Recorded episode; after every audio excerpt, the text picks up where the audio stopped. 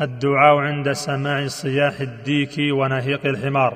يقول إذا سمعتم صياح الديكه فسالوا الله من فضله فإنها رأت ملكا.